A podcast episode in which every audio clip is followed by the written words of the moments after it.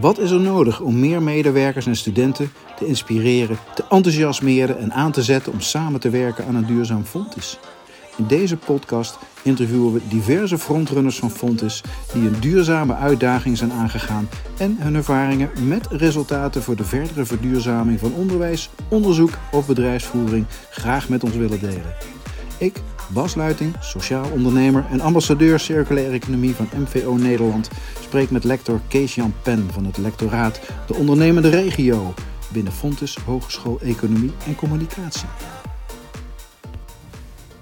Kees-Jan, wat heb jij persoonlijk met duurzaamheid? Ja, duurzaamheid is natuurlijk een heel breed uh, begrip. Kijk, als ik gewoon geval kijk vakinhoudelijk ben ik daar eigenlijk al heel lang mee bezig. En dan is het vooral de ruimtelijke duurzaamheid ik eigenlijk al heel lang bezig ben met uh, ja, het transformeren van de bestaande stad. Hoe kun je bestaande voorraad gebruiken. En alles te maken met leegstand, uh, wonen in uh, lege kantoren. Dat soort aspecten ben ik eigenlijk nou, al heel lang mee bezig. En in jouw persoonlijke thuissituatie? Privé is het, vind ik het wel lastig met drie jonge kinderen. Om daar, we proberen daar natuurlijk wel een beetje op te letten. Natuurlijk kun je zeggen van we hebben, we hebben inderdaad wel wat, een zonnecollector op het dak ja, je probeert er wat op te letten. Ik zeg maar, alle dingen die je kan doen, doe je. Hè, met, met, met, plastic afval inzamelen, dat soort dingen proberen we te doen. Ik merk wel dat uh, afgelopen jaar de auto veel blijft staan. Dat je gewoon zelf meegaat in het uh, meer fietsen, wandelen.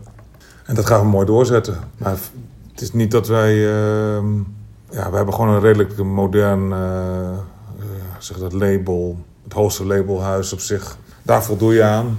Wat nog niet echt zo lukt, dat is ze zeggen ook echt let op voedingspatronen en minder vlees. zo. Dat, vind, dat, dat vind ik nog best lastig. Ja, dat, dat, is ook lastig. Maar nu even terug, gewoon even naar jouw werkomgeving. En wat heeft volgens jou Fontis met duurzaamheid?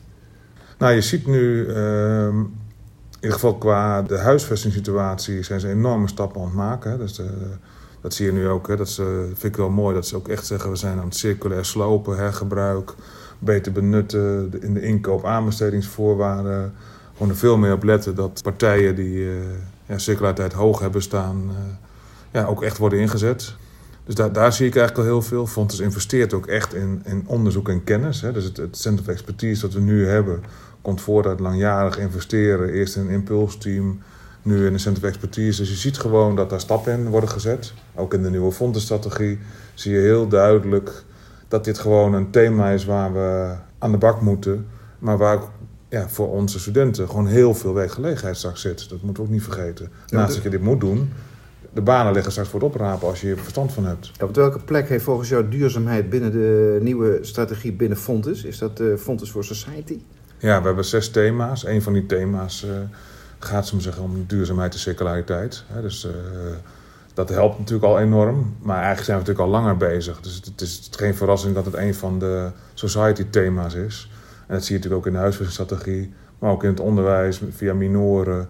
En je ziet gewoon in toenemende mate dat ook allerlei studenten van allerlei richtingen steeds meer op dit soort thema's afstuderen. Die kennis kun je dan weer benutten om uh, verder in vakken en uh, via projecten weer aan de grond te krijgen. Ja, dus er gebeurt heel veel. Als je spreekt over kennisontwikkeling, wat zijn volgens jou de succesprojecten op het gebied van de duurzaamheid binnen Fontes? Zijn die te benoemen? Nou ja, dat het feit dat we nu een Center of Expertise hebben. We hebben echt een lector circulaire transitie. We hebben een heel onderzoeksteam. Uh, we hebben echt iemand die verantwoordelijk is voor de, de, onderwijskant. We zijn met belangrijke partners afspraken aan het maken. In vakken, in projecten. dus je hebt nu gewoon een, een sterke club mensen die daar gewoon op allerlei manieren mee bezig is. En dat helpt enorm. Kun je een stip op de horizon benoemen? Nou ja, ik vind, kijk, uiteindelijk waar dit onderdeel van is, dat je straks echt een platform hebt waarin docenten, studenten, onderzoekers ook gewoon laten zien waar dit om draait. dus dat, ga je ook zichtbaar maken, dat je vanuit allerlei opleidingen, dat er straks een soort platform is waar je, als je een project hebt, al is het maar vanuit natuurkunde, vanuit de creatieve hoek, vanuit kunsten, vanuit economie, waarin gewoon bepaalde projecten, afstudeeronderwerpen worden gebundeld. En dat je dat gaat delen en niet allemaal het wiel opnieuw uitvindt. Dat er langzaam een soort stroom komt. Ja, waarin je gewoon kan laten zien hoeveel uh, er eigenlijk al gebeurt. En ja, dat je ook eigenlijk werkt aan de toekomst. Uh, of aan de economie van morgen. Ja, dat, dat gevoel. Waarom dit duurzaamheidsplatform? Nou ja, omdat Fonds is natuurlijk een hele grote hogeschool. Dit is ook een manier om, om zo zeggen, die krachten te bundelen. je ziet, de, we hebben 45.000 studenten. En daar kun je gewoon enorm gebruik van maken. Je ziet toch een neiging, en daarmee is Fontes niet uniek. Dat zag je natuurlijk ook in de studie van het PBL. Dat het wel een enorme wildgroei is aan projecten en initiatieven. En iedereen is opnieuw het wiel aan het uitvinden. Juist door zo'n platform kun je daar enorme stappen in zetten. Ja, nou als we het heel concreet maken, wat is voor jou het doel van dit duurzaamheidsplatform? Nou, ik, ik denk straks dat je ehm, ook als uh, onderzoeker, maar ook als student, dat er een platform is waar je kan zeggen: dit is de stand van zaken nu, hier kan ik op voortborduren. En dat je niet elke keer opnieuw hoeft te beginnen als je met een project bezig bent met een onderzoek. Maar dat je weet, oh, ik kan mooi voortborduren op het werk van een voorganger. Dat er ook echt producten uitkomen. En dat we ook gewoon gaan kijken hoe je dat zichtbaarder kan maken. En dat dit, uh, het mooie is dat het ook gewoon gaat om economie.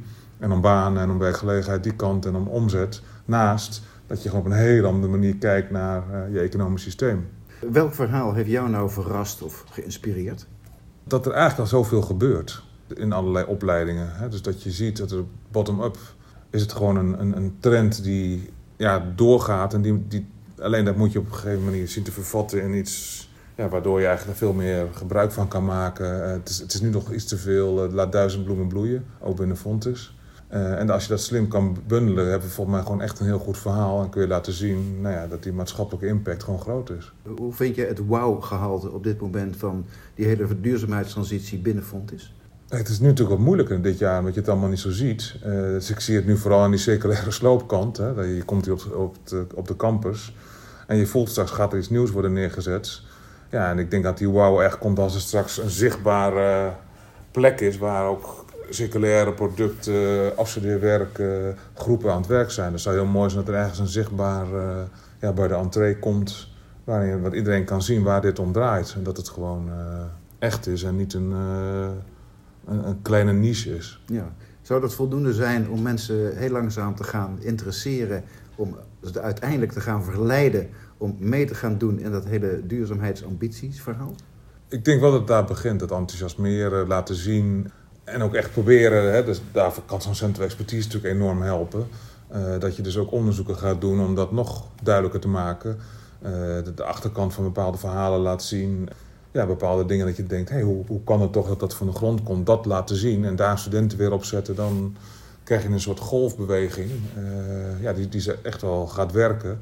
En natuurlijk daar ook gewoon echt goede onderzoekers op zetten. Dus dat willen we natuurlijk ook. Dus die onderzoekskant, dat wordt een van de belangrijke pijlers in de toekomst voor de ontwikkeling van het duurzaamheidsplatform. Ja, ik denk vanuit. Uh, en, en, onderzoek is dus echt praktijkgericht onderzoek. In het bedrijfsleven, bij publieke organisaties, bij gemeentes, corporaties. Via allerlei studentenprojecten, maar natuurlijk ook gewoon met docenten en onderzoekers zelf. He, dus het is ook gewoon studentenonderzoek. Dus niet uh, alleen maar, uh, nou ja, ik zou zeggen, meer het wetenschappelijke kant. Het zijn alle lagen. En als we nou even in de glazen bol gaan kijken, hoe hoop jij nou dat het duurzaamheidsplatform zich het komende jaar gaat ontwikkelen? Het mooiste zou zijn dat er heel duidelijk, zowel fysiek als digitaal, één plek komt waar je ja, geïnspireerd wordt, wat zichtbaar is, waar het studenten echt verleidt om daar gewoon eens vanuit energie en enthousiasme op te kijken. En niet als een moetje. En dus niet een, een plicht of zo, of een verplicht vak. Of, of, maar gewoon dat er ik geloof veel meer in het verleiden en het enthousiasmeren. En gewoon laten zien waar het om gaat. Goede voorbeelden laten zien, interessante bedrijven, uh, mooie producten die we aan het maken zijn. Dat, dat, dat gewoon zichtbaar maken. Ik denk dat dat ja, een hele mooie ambitie zou zijn. In 2050 wil Nederland dus helemaal circulair zijn. Hè? Maar om dat te halen is meer dwang en drang nodig. Dat constateert het Planbureau voor de Leefomgeving in die eerste complete inventarisatie die onlangs gepresenteerd werd. Wat is daarop jouw reactie? Ja, goed dat het nog een keer gezegd is. Kijk, er zijn, de Raad voor de Leefomgeving hebben het eigenlijk ook al gezegd hè, een advies over na een duurzame economie. Uh, je hebt natuurlijk ook een bekende internationale hoogleraar, hè, Mariana Mazzucato, die daar uh, natuurlijk ook zegt dat de overheid een hele belangrijke rol speelt om die stappen te gewoon te gaan zetten. Ja, en met vrijblijvend kom je er gewoon niet. Kijk naar discussies over plastic waste, statiegeld. Op een gegeven moment zul je ook ergens iets moeten doen dat bepaald gedrag gewoon verandert als zo duidelijk is dat het niet werkt. Uh, maar ik denk ook een hele interessant is nu met alle noodpakketten. Durven we naast natuurlijk het ledigen van de ernstigste nood ook te kijken naar ja, ontwikkelingen dat je, van je weet daar komen we sterker uit. Ja. Hè, dat, dat, zie je nu opeens in de mode- en kledingsector. Zie je dat, ja, dat is een van de meest vervuilende sectoren. Dat kan niet dat we elk jaar maar weer nieuwe, altijd nieuw, nieuw, nieuw moeten. Dus, dus ik, ja, ik heb gevoel daarin dat de overheid daar wel een belangrijke stimulans in kan uh, bieden. Om juist dat soort gedrag uh, wat te stimuleren. Uh, ja, en toch ook als de markt zijn werk niet doet, wat strengere eisen stellen. Hè? Dus bij, kijk naar bijvoorbeeld de discussie nu waar ik actief bij ben met verdozing. Dat je zich gewoon eisen, een distributiecentrum komt er alleen als dat gebouw goed circulair wordt gebouwd, zonder collecteuren bovenop. Want stel dat die partij na vijf jaar zegt: Ik heb het niet meer nodig, laten ze weer zomaar iets achter. Dus veel meer nadenken dat je iets wat je achterlaat weer kan hergebruiken, plat kan drukken, kleiner kan maken. Ja, daar heb je gewoon de overheid bij nodig. Mijn vertrouwen in dat de markt zijn werk doet, is daarin, uh, vind ik op dit vlak gewoon niet sterk genoeg. Dat is een van de ambities voor ja, eigenlijk de komende periode. Ik stel voor dat we volgend jaar dit gesprek nog een keer herhalen en kijken waar we op dat moment staan. Kees Jan Pen, dank voor dit interview. Graag gedaan, hartstikke mooi.